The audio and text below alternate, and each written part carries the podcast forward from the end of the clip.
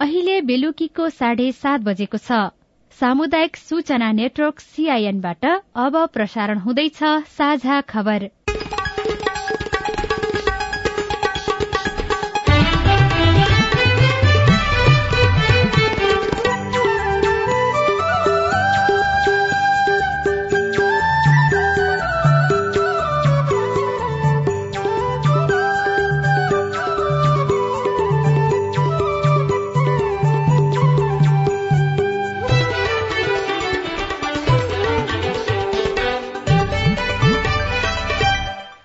सीआईएनको साझा खबरबाट दीपक आचार्यको नमस्कार। साझा खबर देशभरिका सामुदायिक radio CIN Khabar dot com र मोबाइल एप सीआईएनमा पनि सुन्न सकिन्छ।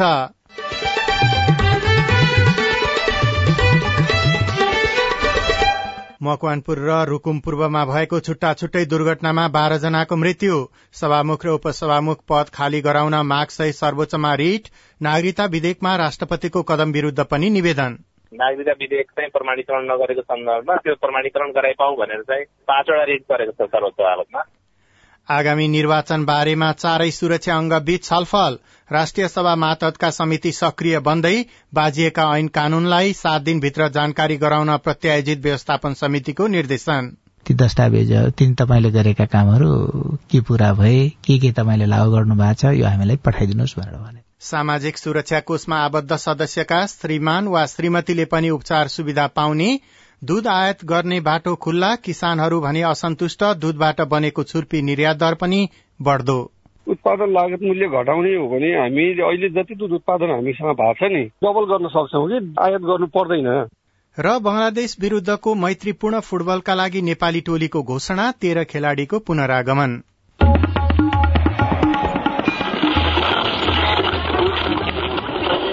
सयौं रेडियो। हजारौं रेडियो कर्मी र करोड़ौं नेपालीको माझमा यो हो सामुदायिक सूचना नेटवर्क सीआईएन सरकारी तथ्याङ्क अनुसार अहिले नेपालभरमा पैंतिस हजार सामुदायिक विद्यालय सञ्चालनमा छन्।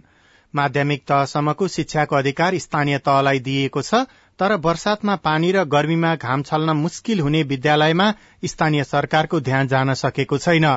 अब आफ्नो क्षेत्रका विद्यालयमा मात्र बजेट छुट्याउने परिपाटी बन्द गर्नुपर्छ। संघीय सरकारको अनुदानका कार्यक्रमहरू आवश्यकताका आधारमा वितरण गर्नुपर्दछ। अब खबर सुशीला श्रेष्ठबाट। मकवानपुर र रूकुम पूर्वमा आज भएका छुट्टा छुट्टै दुर्घटनामा बाह्र जनाको मृत्यु भएको छ भने चौवालिस जना घाइते भएका छन्। मकवानपुरको भीमफेदी गाउँपालिका स्थित जुरी खेतमा बस दुर्घटना हुँदा सात जनाको मृत्यु भएको हो भने रूकुम पूर्वको भूमे गाउँपालिका तीनको क्याङसी बगरमा बस दुर्घटना हुँदा पाँच जनाको मृत्यु भएको छ। सीआईएनसँग कुराकानी गर्दै जिल्ला प्रहरी कार्यालय मकवानपुरका प्रहरी निरीक्षक रामचन्द्र घिमिरे। पच्चिसजना घाँसेको शनाखत भएको छ। मृतक सातजना मध्ये एकजनाको शनाखत भएको छ अरू चाहिँ शनाखत हुन बाँकी छ हेटौँडा हस्पिटलमा उपचार अहिले जति उपचार छ उनीहरूको अवस्था चाहिँ के छ? अब सरस्वती अब त्यो सबै बिस्तारै चेकअप हुँदै पच्चिसजना हुन्छ ठुलो संख्यामा हुनुहुन्छ घाइते। अब सबै प्रोसिजरमै हुनुहुन्छ उपचारको। अब ठ्याक्कै बाहिरबाट हेर्दा यो गम्भीर भनेर भन्न दिन सकिन रूकुम पूर्वको भूमे गाउँपालिका तीनको क्याङसी बगरमा भएको बस दुर्घटनामा बाह्र जना भन्दा बढ़ी घाइते भएका छन्। काठमाण्डुबाट रूकुमतर्फ जाँदै गरेको बस सड़कबाट पचास मिटर तल बगरमा खसेको जिल्ला प्रहरी कार्यालय रूकुम पूर्वका प्रमुख प्रहरी नायब उपरीक्षक प्रकाश डाँगीले सीआईएनसँग बताउनुभयो। जम्मा सत्रजना मध्ये पाँचजना मृत्यु गम्भीर घाइते चारजनाको नेपाली सेनाको हेडद्वारा नेपाल त्यहाँ पठाइयो थप उपचारको लागि दुईजना डिस्चार्ज बाँकी छजनाको उपचार हुँदैछ पूर्व जिल्ला अस्पतालमा बाटो साँघुरो भएका कारण बस दुर्घटनामा परेको रुकुम पूर्व प्रहरीले जनाएको छ। नागरिकता विधेयक प्रमाणीकरण गर्न राष्ट्रपति कार्यालयका नाउँमा आदेश जारीको माग सहित सर्वोच्च अदालतमा आज पाँचवटा रिट परेका छन्। अधिवक्ता सागर बराल त्रिभुवन विश्वविद्यालयमा अध्ययनरत राज बराल काठमाण्डु स्कूल अफ लमा अध्ययनरत अविनेश अधिकारी लगायतले संयुक्त रूपमा र मोरङको रंगेली नगरपालिका देव शर्माले राष्ट्रपति कार्यालयलाई विपक्षी बनाई रिट दायर गरेको सर्वोच्च अदालतका प्रवक्ता विमल पौडेलले सीआईएनसँग बताउनुभयो। उहाँका अनुसार सभामुख र उपसभामुख पद खाली गराउन माग गर्दै अधिवक्ताहरू अनुपम भट्टराई र किशोर पौडेलले सर्वोच्चमा आजै रिट दायर गर्नुभएको छ। राष्ट्रपतिले नागरिकता विधेयक चाहिँ प्रमाणीकरण नगरेको सन्दर्भमा त्यो प्रमाणीकरण गराइपाउँ भनेर चाहिँ पाँचवटा रिट गरेको छ सर्वोच्च अदालतमा आज। त्यसै गरी अब सभामुख र उपसभामुखको पदावधि कहिलेसम्म हुने भन्ने विषयमा पनि एउटा रिट गरेको छ रिट दर्ता गरेको कार्यकाल सकिँदा पनि अहिलेका सभामुख र उपसभामुखले राजीनामा नदिएको भन्दै रिटमा दुवै पद खाली गराउन परमादेश माग गरिएको छ। नेकपा एमालेका अध्यक्ष केपी शर्मा ओलीले सरकारमा रहेका राजनैतिक दलहरूको गठबन्धनले राष्ट्रपतिको अपमान गरेको आरोप लगाउनु भएको छ। पार्टी कार्यालय च्यासलमा आज भएको एक कार्यक्रममा ओलीले सत्ता गठबन्धनले जनतालाई अल्मलाइरहेको आरोप पनि लगाउनुभयो।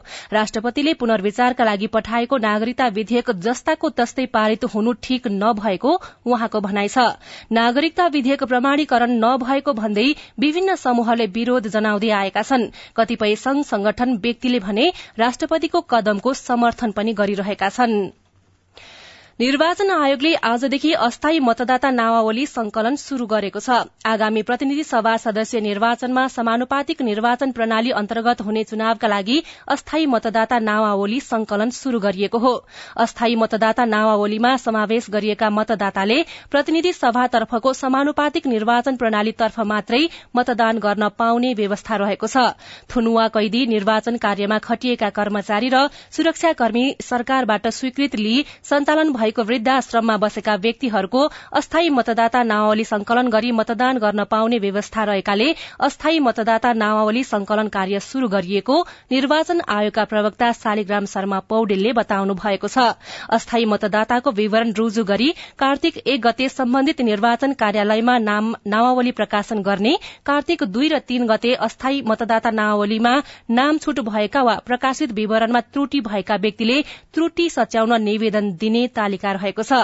यसैबीच प्रतिनिधि तथा प्रदेशसभाको चुनावमा शान्ति सुरक्षाको प्रत्याभूत गर्न चारै सुरक्षा निकायका प्रमुखले आज छलफल गरेका छन्। नेपाली सेनाको मुख्यालयमा भएको छलफलमा नेपाली सेनाका प्रधान सेनापति प्रभुराम शर्माको निमन्त्रणामा नेपाल प्रहरी प्रमुख धीरज प्रताप सिंह सशस्त्र प्रहरी प्रमुख राजु अर्याल र राष्ट्रिय अनुसन्धान विभागका प्रमुख हुतराज थापा उपस्थित हुनुभएको थियो।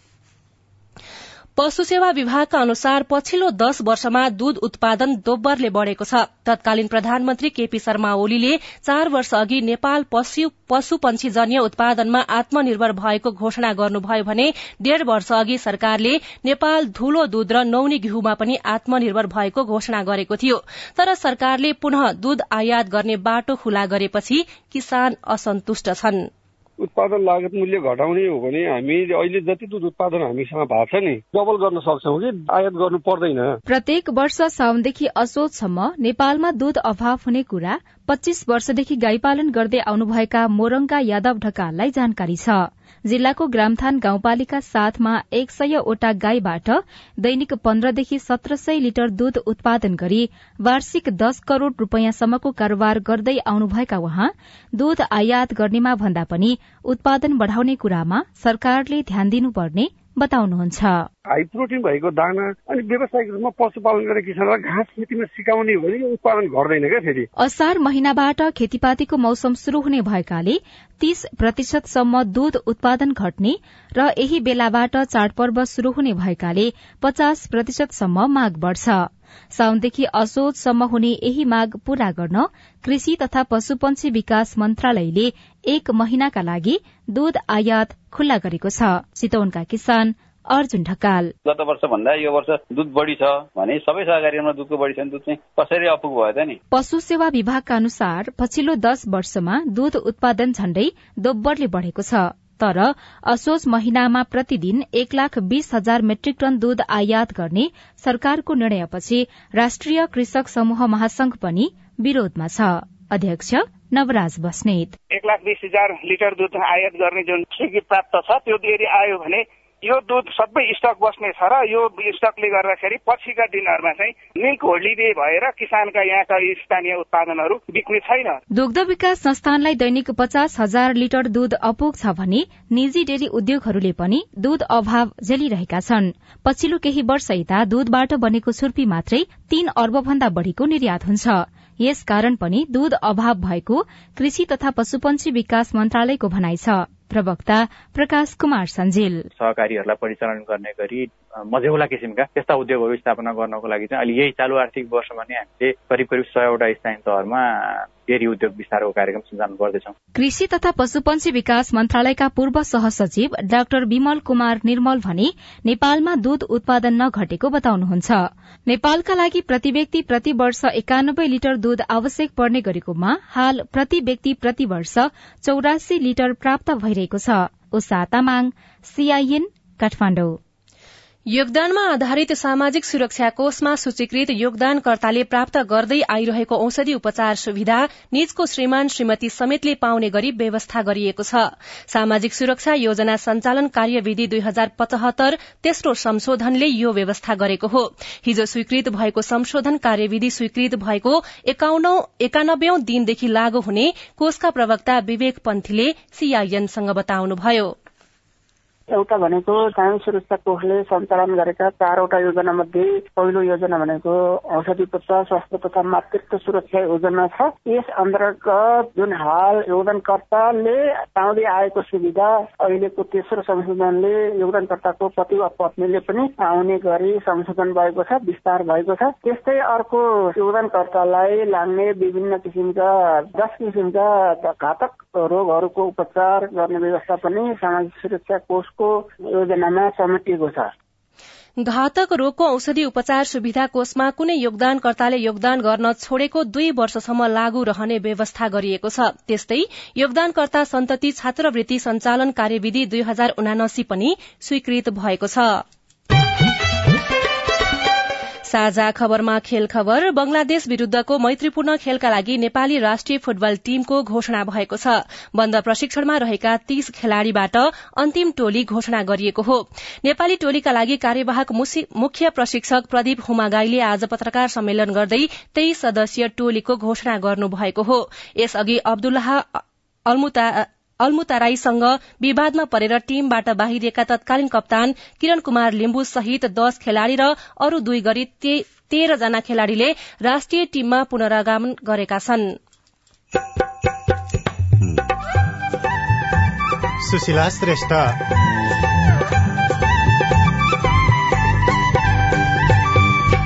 निम्न स्तरका मजदूर सुरक्षा मापदण्ड बारेमा अनभिज्ञ पहिरो आउँछ त्यही पहिरोका नजिकमै कुट्छौँ। बगाएर लिन्छन् गिट्टी। पहिलाका पनि बगाएर लियो।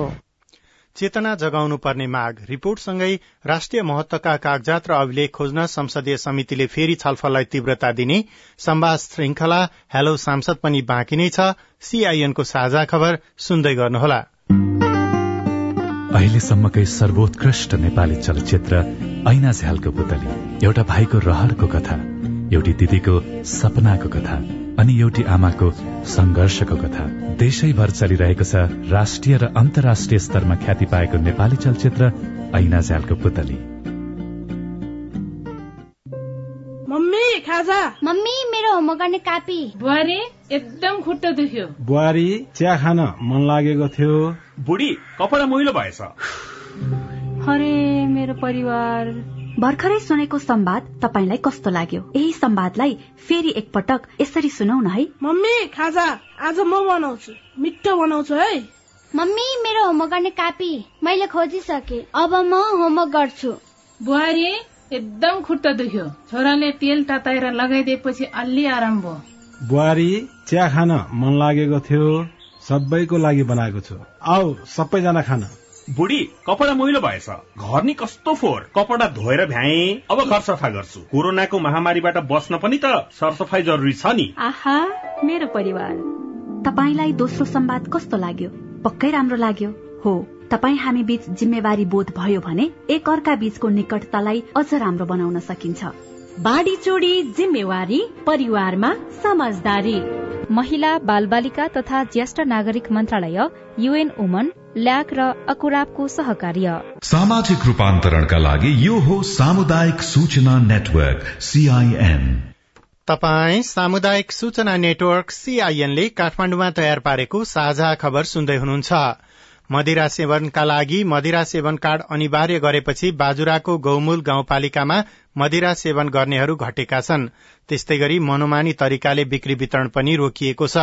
गाउँपालिकाले पालिकाभित्र मदिरा सेवनकर्ताको हकमा अनिवार्य कार्ड बनाउनु पर्ने र सेवन गर्दा साथमा कार्ड अनिवार्य हुनुपर्ने लगायतका प्रावधान लागू गरेपछि अहिलेसम्म चार करोड़ छैसठी हजार सात सय पचास रूपियाँ राजस्व समेत संकलन भएको छ। रेडियो सिमुनाथ बाजुराले खबर पठाएको छ। कालीकोटको सानी त्रिवेणी गाउँपालिकाको कार्यालय नजिकै सड़क छेउमा गिट्टी कुट्ने श्रमिकहरूले आधारभूत स्वास्थ्य र श्रम सुरक्षा समेत नपाएको गुनासो गरेका छन्। दिनभरि चर्को घाम होस् वा दर्के पानीमा खुल्ला आकाशमा नै गिट्टी कुट्ने उनीहरूको बाध्यता हो। दिनौ धुलो र धुवाले स्वास्थ्यमा असर परे पनि उनीहरूको स्वास्थ्यको बारेमा न उनीहरूलाई चिन्ता छ न त अरू कसैलाई। चालिस वर्ष कटेकी रामो शाही दिनभर गिटी कुर्नुहुन्छ। दिउँसो चर्को खामा होस् बादर केछरी उहाँ सड़कमा गिटी कुट्दै गरेको भेटिनुहुन्छ। अहिले तीन वर्ष हुन लाग्यो म गिटी कुट्दा के गर्ने घरमा खाने त्यस्तै हुँदो केही पनि पाइँदैन समस्याले गिटी कुट्न आए म। यहाँ दसजना भन्दा बढीले दैनिक निरन्तर गिटी कुर्ने गरेका छन्। उनीहरूले एक दिनमा दसदेखि पन्ध्र कट्टा गिटी कुर्ने गरेका छन्। एक कट्टा गिटीको एक सय रुपियाँमा बिक्री हुन्छ। गिटी दैनिक एक हजारदेखि पन्ध्र सय रुपियाँसम्म कमाउने गरेका छन्। कमाई राम्रै भए पनि उनीहरूको कार्यस्थलको सुरक्षा भने छैन। केटी कुट्दै गरेकी महिला लौसरा लुवार पहिरो आउँछ त्यही पहिरोका नजिकमै कुट्छौ। बगाएर लिन्छन् गिट्टी। पहिलाका पनि बगाएर लियो। पानी पर्दा र घाम लाग्दा ओत लाग्ने छाना भएमा सहज हुने उनीहरू बताउँछन्। हातमा लगाउने पन्जा र मास्क भएमा काम गर्दा सुरक्षित महसुस हुने भए पनि अहिले उनीहरू धुलोमा नै बसेर काम गर्न बाध्य छन्। धुवा र धुलोले स्वास्थ्यमा असर पारिरहेको माया तिरुवाको भनाइरहेको छ। ढाँगन लाग्न सक्छ ढाड दुख्छ हट दुख्छ राति डुली सकिँदैन ज्वरो आन्छ खोकी लाग्छ अन्त हात पनि दुख्छन् हातमा लाइने पन्जा छैनन् घाम बायाछि ओड्ने छाता छैन। बर्खाको समयमा पहिरोले गिट्टी छोपिने गरेको छ फलले कुटीको गिट्टी पनि बगाउने गरेको छ। उनीहरूको कार्यस्थल सुरक्षित बनाइदिनको लागि स्थानीय तहले कस्तो सहयोग गर्न सक्छ? सानी त्रिवेणी गाउँपालिकाका अध्यक्ष मोहन बहादुर केसी। हामीले चाहिँ अलिकति सुरक्षित ठाउँतिर त्यसको चाहिँ मतलब स्थान दिएर त्यहाँतिर चाहिँ मतलब गिट्टीको चाहिँ कुट्ने चाहिँ व्यवस्थापन हामी चाहिँ मिलाउन सक्छौँ। उहाँहरूलाई मास्क पन्जा आँखाको सुरक्षाको लागि पनि चस्माहरू पनि त्यो खालको त्यो चाहिँ हामी उपलब्ध गराउन सक्छौँ। ती मात्रै नभएर पालिकाभरिका यस्तो गिट्टी कुटेर खाने र जिउने चाहिँ जति श्रमजीवी चाहिँ मतलब मान्छेहरू छन् तिनीहरूको लागि हामी चाहिँ केही चाहिँ सामग्रीहरू उपलब्ध गराउँछौँ। श्रमिकले काम गर्ने कार्यस्थल हरेक हिसाबले सुरक्षित हुनु आवश्यक छ तर गिट्टी कुटेर जीवन चलाइरहेका श्रमिकको लागि भने कार्यस्थल सुरक्षित छैन रुकुम योगी सिआइएन रेडियो सानी त्रिवेणी कालीकोट साझा खबरमा अब हेलो सिआइएन अविनाश आचार्यबाट नमस्कार म यज्ञ राजा बस्ती बैतडीको सुन्नाय गाउँपालिकाबाट बोलेको म दुई हजार उनासी साल वैशाख नौ गतेदेखि सञ्चालन भएका एसई परीक्षामा सहभागी भई परीक्षा दिएको थिए र नतिजा प्रकाशन हुने बेलामा ऐच्छिक प्रथम संस्कृत साहित्य अप्सेन्ट देखाएपछि परीक्षा केन्द्र रौलेश्वरबाट सिफारिस गरेपछि त्यो अप्सेन्ट विषयको नतिजा प्रकाशन भएको थियो। तर विद्यालयमा पुरानै अब्सेन्ट देखाएको ग्रेड सिट नै पठाइयो। नयाँ ग्रेड सिट र बोर्ड सर्टिफिकेट किन पठाइन यसबारेमा बुझ्न चाहन्छु। तपाईँको समस्या हामीले राष्ट्रिय परीक्षा बोर्डका प्रवक्ता जंग बहादुर अर्याललाई सुनायौं।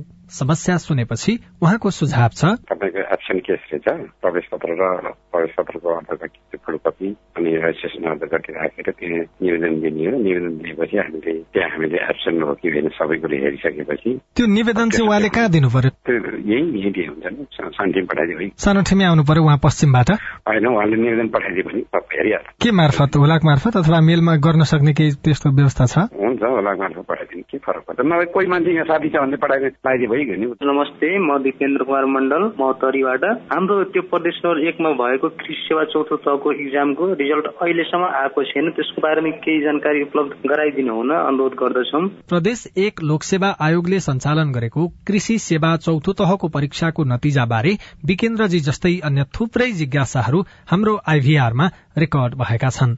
यसअघि पनि हामीले थुप्रै पटक यसबारेको जवाफ राखिसकेका छौं। तर धेरै श्रोताले अझै पनि जिज्ञासा राखेपछि हामीले पुनः आयोगका सूचना अधिकारी केदारनाथ रिजाललाई जिज्ञासा मेटाइदिन भनेका छौं। परीक्षा हुनुभन्दा लगभग एक घण्टा अगाडि अदालतले स्टे अर्डर दिएर परीक्षा रोक्नु भन्ने खालको दिएको थियो होइन? सल्लाह गर्दाखेरि उसलाई या त परीक्षामा सहभागी गराउनु या रोक्नु भन्ने थियो। हामीले सहभागी गराउने सूचना निकालेर त्यो परीक्षा गरायौँ। फेरि अर्को मुद्दा पर्यो त्यसले चाहिँ पुरा रोक्नु भनौँ क्या कारवाही यथास्थितिमा राख्नु भनौँ। अनि त्यसपछि चलिरहेछ सर्वोच्चबाट फैसला भएको छैन सर। अनि अहिलेसम्म त्यसको फर्दर त्यहाँभन्दा केही पनि छैन। अनि ताप्लेजुङका एकजना श्रोता देवीराम दाहालले दशैंका लागि नयाँ नोट कहिलेदेखि साट्न पाइन्छ? भनेर सोध्नु भएको छ। देवीरामजी नेपाल राष्ट्र बैंकले मातहतका विभिन्न बैंकहरूबाट नयाँ नोट वितरण थालिसकेको छ। तपाई नजिकैको बैंकमा सम्पर्क गरेर थप बुझ्न सक्नुहुन्छ। तपाई पनि जुनसुकै बेला हाम्रो टेलिफोन नम्बर शून्य एक बान्न साठी छ चार छमा फोन गरेर आफ्नो प्रश्न जिज्ञासा गुनासा तथा प्रतिक्रिया रेकर्ड गर्न सक्नुहुन्छ। तपाई सामुदायिक सूचना नेटवर्क सीआईएनले काठमाण्डुमा तयार पारेको साझा खबर सुन्दै हुनुहुन्छ। साझा खबर मोबाइल एप नेपाली पात्रोबाट पनि सुनिरहनु भएको छ। सरकारले गरेका प्रतिबद्धता कार्यान्वयन प्रभावकारी बनाउने उपाय माननीय बिना पोखरेल युवराज शर्मा तुलसा दालको नेतृत्वमा चार पाँच यस्तै सदस्यहरूको समितिहरू बनाएछ। नियमन गर्ने संसदीय समितिको क्षेत्राधिकार तर निर्देशन नमान्ने समस्या दोहोरिँदै संवाद श्रृंखला हेलो सांसद बाँकी नै छ। सीआईएनको साझा खबर सुन्दै गर्नुहोला।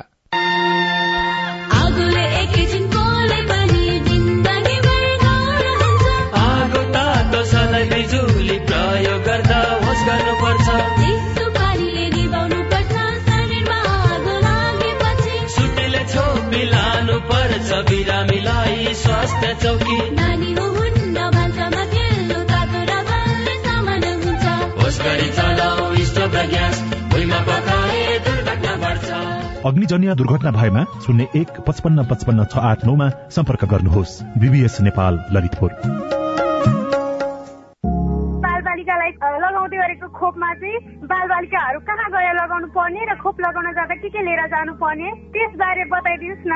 मेरो जिज्ञासा के छ भनेपछि हामी विद्यार्थीहरू एकदमै जोखिममा छौँ तर पनि हामीहरूले समयमा खोप उपलब्ध हुन सकेको छैन।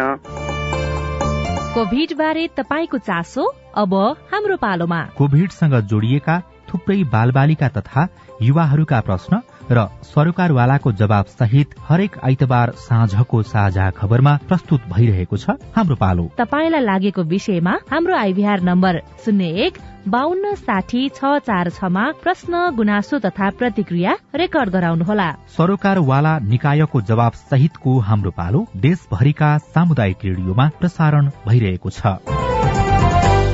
सामाजिक रूपान्तरणका लागि यो हो सामुदायिक सूचना नेटवर्क सीआईएन तपाई सामुदायिक सूचना नेटवर्क सीआईएनले काठमाण्डुमा तयार पारेको साझा खबर सुन्दै हुनुहुन्छ। प्रतिनिधि सभाको कार्यकाल सकिएसँगै यस मातहतका संसदीय समिति पनि निष्क्रिय भएका छन्। चुनाव चाडबाड लगायतका नागरिकसँग सरोकार राख्ने सवालमा अहिले राष्ट्रिय सभा मातहतका समितिहरूले सक्रिय रूपमा छलफल गर्न थालेका छन्। प्रस्तुत छ संवाद श्रृंखला हेलो सांसद। नमस्कार। हेलो सांसदमा तपाईँलाई हार्दिक स्वागत छ। म लील प्रकाश चन्द। आजको हेलो सांसदमा राष्ट्रिय सभा मातहतको प्रत्यायोजित व्यवस्थापन तथा सरकारी आश्वासन समितिका सभापति माया प्रसाद शर्मा हुनुहुन्छ। यहाँलाई हार्दिक स्वागत छ। धन्यवाद। भर्खरै तपाईँहरू त सभापति हुनुभएको त्यस अनुसारको तयारी कार्यदिशा बनाएर कसरी जाने भन्ने पनि कुरा हुँदैछ कि कस्तो छ? फुल समितिको दुईवटा बैठक उपसमितिहरू बनाएका छौँ उपसमितिहरूका बैठक। सभापति आइसकेपछि। सभापति आइसकेपछि। अरू उपसमिति बनाएको कुरा गर्नुभयो। आउने बित्तिकै यो यो निर्णय गर्न सकियो भन्ने खालको हो कि कस्तो? पहिलो बैठकले सभापति निर्वाचित गर्यो सर्वसम्मत रूपले। दोस्रोमा हामीले उपसमितिहरू बनायौं। समितिमा तीनवटा क्षेत्रहरू पर्दछन्। पहिलो सरकारी आश्वासन। यो गर्छु त्यो गर्छु भनेको विषयहरूमा त्यो त्यसको प्रत्यायोजित विधायन कानून बनाएर कानूनको व्यवस्थापन गर्ने होइन? कहाँ कहाँ त्यहाँ ऊ भएको छ त्यसको। एउटा राष्ट्रिय महत्वका दस्तावेजहरू अभिलेखहरूको संरक्षण व्यवस्थापन र खोजी गर्ने। विशेष गरेर त्यही तिनवटा उसमा महत्व राख्छ। र त्यसमा हामीले उपसमितिहरू निर्माण गरेका छौँ। कुनै समितिले यो विषयमा केही अध्ययन अनुसन्धान गर्नु पर्यो भने उपसमिति बनाएर जाने त्यस्तो अभ्यास चलिराखेको थियो। उपसमिति बनाउनु भनेको त्यो नियमित प्रक्रिया नै हो कि अथवा त्यस्तो स्थिति केही आइलाग्यो? राम्रोसँग व्यवस्थापन गरौं र कामकाजी बनाऊ। भन्ने उद्देश्य सहित माननीय बिना पोखरेल युवराज शर्मा तुलसा दालको नेतृत्वमा चार पाँच यस्तै सदस्यहरूको समितिहरू बनाएछ राजनैतिक दलहरू सरकारमा सहभागी भएका दलहरूको बीचको भागभण्डा मिलाउनको लागि कतिपयले त्यसरी बुझ्यो भने यो ठिक हुन्छ कि बेठिक हुन्छ? त्यसरी बुझ्यो भने बेठिक हुन्छ। यो उपसमिति बनाउनु पर्ने आवश्यकता भनेको कामकाजी बनाउनका निमित्त व्यवस्थित गर्नका निमित्त। तपाईँले योजना बनाएर यति काम यहाँसम्म पुगिसकेको रहेछ बाँकी काम म यसरी अगाडि बढाउँछु भन्ने त्यो यात्रा सुरु भइसक्यो कि अथवा बुझ्दै हुनुहुन्छ? कहाँ कहाँ के के थियो भनेर दस्तावेज हामीसँग छ? होइन त्यहाँ छलफल गर्ने त्यहाँ अनुभवी मान्यजी पनि हुनुहुन्छ त्यही समितिमा रहेको र काम गरेको। लामो समय छ छ वर्षसम्म त्यही समितिमा रहेरै काम गर्नुभयो मान्यजीहरू हुनुहुन्छ। अहिले पाँच वर्ष भनौँ अब छ वर्ष भन्दा पाँच वर्ष नै एक वर्ष बाँकी छ। त्यहाँ अनुभव त्यहाँबाट सँगाल्ने हो दस्तावेज बोल्ने हो। होइन के के काम भयो भनेर। हामीले त्यसलाई नयाँ बनाउनु केही पनि छैन। तर हामीले खोजेको के हो गर्न खोजेको के हो भने तीनवटा समितिलाई प्रभावकारी बनाउने। तपाईँलाई लाग्छ कि तपाईँले सोचे जसरी जसरी जुन प्रकारको संरचना तपाईँले बनाउनु भयो त्यो अनुसारको काम सजिलो छिटो गर्नको लागि बाधा अवरोधहरू नहोलान्। के पूर्ण विश्वास छ भने हाम्रा आस्था विचार संगठनात्मक संरचनाका हिसाबले फरक फरक भए पनि हाम्रो प्रतिबद्धता के छ भने हाम्रो समितिले एउटा ऐतिहासिक कारणको थालनी गरोस् र पूर्णता देओस्। पूर्व हाम्रो सभापतिज्यूसँग पनि हामीले अन्तर्क्रिया गर्यौं दुई दुई पटक। होइन उहाँहरूको अनुभवहरू र बाँकी कामका कुराहरूलाई हामीले मजाले सुस्पष्ट हामीले अध्ययन गर्ने अवसर पायौँ। उहाँको कुरा सुन्दाखेरि कति काम चाहिँ अझै बाँकी रहेछ त? काम भनेको के रहेछ भन्दाखेरि सकिने चिज होइन त्यो। गर्दै जाने उत्पत्ति हुँदै जाने फेरि गर्दै जाने फेरि उत्पत्ति हुँदै जाने कुरा हो त्यो। संसद होइन जति बेलासम्म यसको प्रक्रिया अगाडि बढ्छ त्यति बेलासम्म समिति पनि बन्छ त्यसले काम पनि गर्छ। पुरानाहरूको संरक्षण गर्दै नयाँ उत्खनन गर्दै फेरि नयाँ निर्माण गर्दै जान्छ। ऐनद्वारा प्रत्यायोजित अधिकार बमोजिम नियमावली विनियमावली निर्देशिका कार्यविधि आदेश मापदण्ड बनेका छन् छैनन्। बनेका ती प्रत्यायोजित विधानहरू सिद्धान्त अनुरूप बनेका छन् या छैनन्। राष्ट्रिय सभाको बैठकमा सरकारले व्यक्त गरेका आश्वासनहरू समयमै कार्यान्वयन भए कि भएनन् भन्ने विषय मुख्यतः यो समितिको क्षेत्राधिकारभित्र पूर्व सभापति बिडारीज्यूले पनि हामीसँग के भन्नुभएको थियो भने यो सरकारले निर्देशिका नियमावली बनाएकै कारणले गर्दाखेरि पनि नेपालमा सुशासन होइन भ्रष्टाचार बढिरहेका देखिन्छ। नियमावली आफ्नो आफ्नो ढंगको अनुकूलको बनाउने अनि सरकारको एउटा ढुकुटी सम्पत्तिमाथि चाहिँ अवैध रूपमा त्यस्तो प्रकारको छलखेल भइरहेका छ भनेर भन्नुभएको थियो होइन। अब तपाईँहरूले यो समितिले कामको शुरूआत हात चाहिँ कहाँबाट हाल्ने हो त? अहिले हामीले यो प्रारम्भिक चरणकै विषय भयो। होइन हामी त्यो पहिले निर्णय गरेको समितिले गरेका निर्णयहरूलाई गहिरो ढंगले अनुसन्धान र अन्वेषण गर्दैछौँ।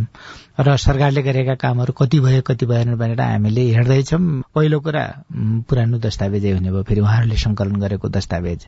सरकारले गरेका गतिविधिहरू हामी स्वयं सरकार प्रत्यक्ष वा परोक्ष ढंगले माननीय संसद भए हुनाले सरकारसँग सरोकार राख्छौं। भए नभएका कामहरू पनि नियम ऐन कानून बनाउँदाखेरि पनि के बाँकी रहे होइन? किन बन्न सकेन भनेर भन्ने विषयलाई हामीले हेर्दैछौँ। कति समयपछि होला कि राष्ट्रिय सभामा यो आश्वासन सरकारले दियो? यति पूरा गर्यो यति एक महिनाभित्रमा यस्तो देखियो भनेर हरिसाब तपाईँ देखाउन सक्नुहुन्छ अथवा त्यो सोचका साथ अगाडि बढ्नु भएको छ कि छैन? हामीले भर्खर एउटा के गरेका छौँ भन्दाखेरि एउटा उपसमितिले निर्णय गरेको छ हाम्रो कतिपय कानूनसँग बाजिएका विषयहरू। होइन कानूनसँग बाजिएका विषयहरू कार्यान्वयन गर्ने कुरामा यो त्यो भनेका विषयहरू जो छन् यसका निमित्त मन्त्रालयमा हामीले अस्ति चिठी लेखेका छौँ एउटा सात दिनभित्र ती दस्तावेजहरू तिन तपाईँले गरेका कामहरू के पूरा भए के के तपाईँले लागू गर्नु भएको छ यो हामीलाई पठाइदिनुहोस् भनेर भने। अब त्यो आइसकेपछि हामीले फेरि उपसमितिले समिति फुल समितिमा बुझाउँछ। फुल समितिले त्यसलाई अध्ययन गर्छ। त्यो हो या होइन भन्ने कुरा पनि थपघट गर्छ। त्यसले पूरा गर्यो भने अनि बल्ल फेरि त्यसले एउटा सरकारलाई यो काम गर्नका निमित्त भनेर निर्देशन दिने भयो। समितिहरू ती छन् कि छैनन् त्यहाँ चाहिँ नेतृत्व छ कि छैन भन्ने कुरा त्यो खोज्नुपर्ने अथवा सोधी हिँड्नुपर्ने स्थिति अहिले देखिरहेका छ। तपाईँको समिति चाहिँ त्यसरी बेपत्ता नहोस् भनेर। बेपत्ता हुँदैन। विश्वास दिलाउँछु हजुर मार्फत नै सबै नेपाली जनतालाई होइन। हाम्रो समिति बेपत्ता हुँदैन। किनभने हाम्रो एकदम योग्य मान्यजी पनि हुनुहुन्छ बडा बडा पाका पाका मान्यजीहरू हुनुहुन्छ। मलाई उत्साहित र उत्प्रेरित गरेको छ। मलाई आफूलाई पनि के हो भन्दाखेरि म फेरि चौबिसै घण्टा चलिराख्ने पात्र हो एउटा। होइन? म राजनीतिक सुरुवात गरेदेखि आजसम्म न थाकेको पनि छैन निराश भएको पनि छैन मलाई कुनै किसिमको त्यस्तो केही फिलिङ पनि छैन। नजानेर भन्ने चिजहरूलाई खोजौँला सोधौँला छलफल गरौँला। जनताको कामभन्दा भिन्न कुनै वैकल्पिक पेसा व्यवसायका हिसाबले यसले असर कति पनि पार्दैन। त्यस कारणले यसलाई त दृढतापूर्वक लिन सकिन्छ भन्ने मेरो विश्वास। संवाद श्रृंखला हेलो सांसदको विस्तृत छलफल भोलि बिहान साढे छ बजेको कार्यक्रम हेलो सांसदमा प्रसारण हुनेछ। मकवानपुर र रूकुम पूर्वमा आज भएको छुट्टा छुट्टै दुर्घटनामा बाह्र जनाको मृत्यु भएको छ भने चौवालिस जना घाइते भएका छन्। नागरिकता विधेयक प्रमाणीकरण गर्न राष्ट्रपति कार्यालयका नाममा आदेश जारीको मागसहित सर्वोच्च अदालतमा पाँचवटा रिट परेका छन्। एमालेका अध्यक्ष केपी शर्मा ओलीले गठबन्धनले राष्ट्रपतिको अपमान गरेको आरोप लगाउनु भएको छ। निर्वाचन आयोगले आजदेखि अस्थायी मतदाता नावली संकलन शुरू गरेको छ।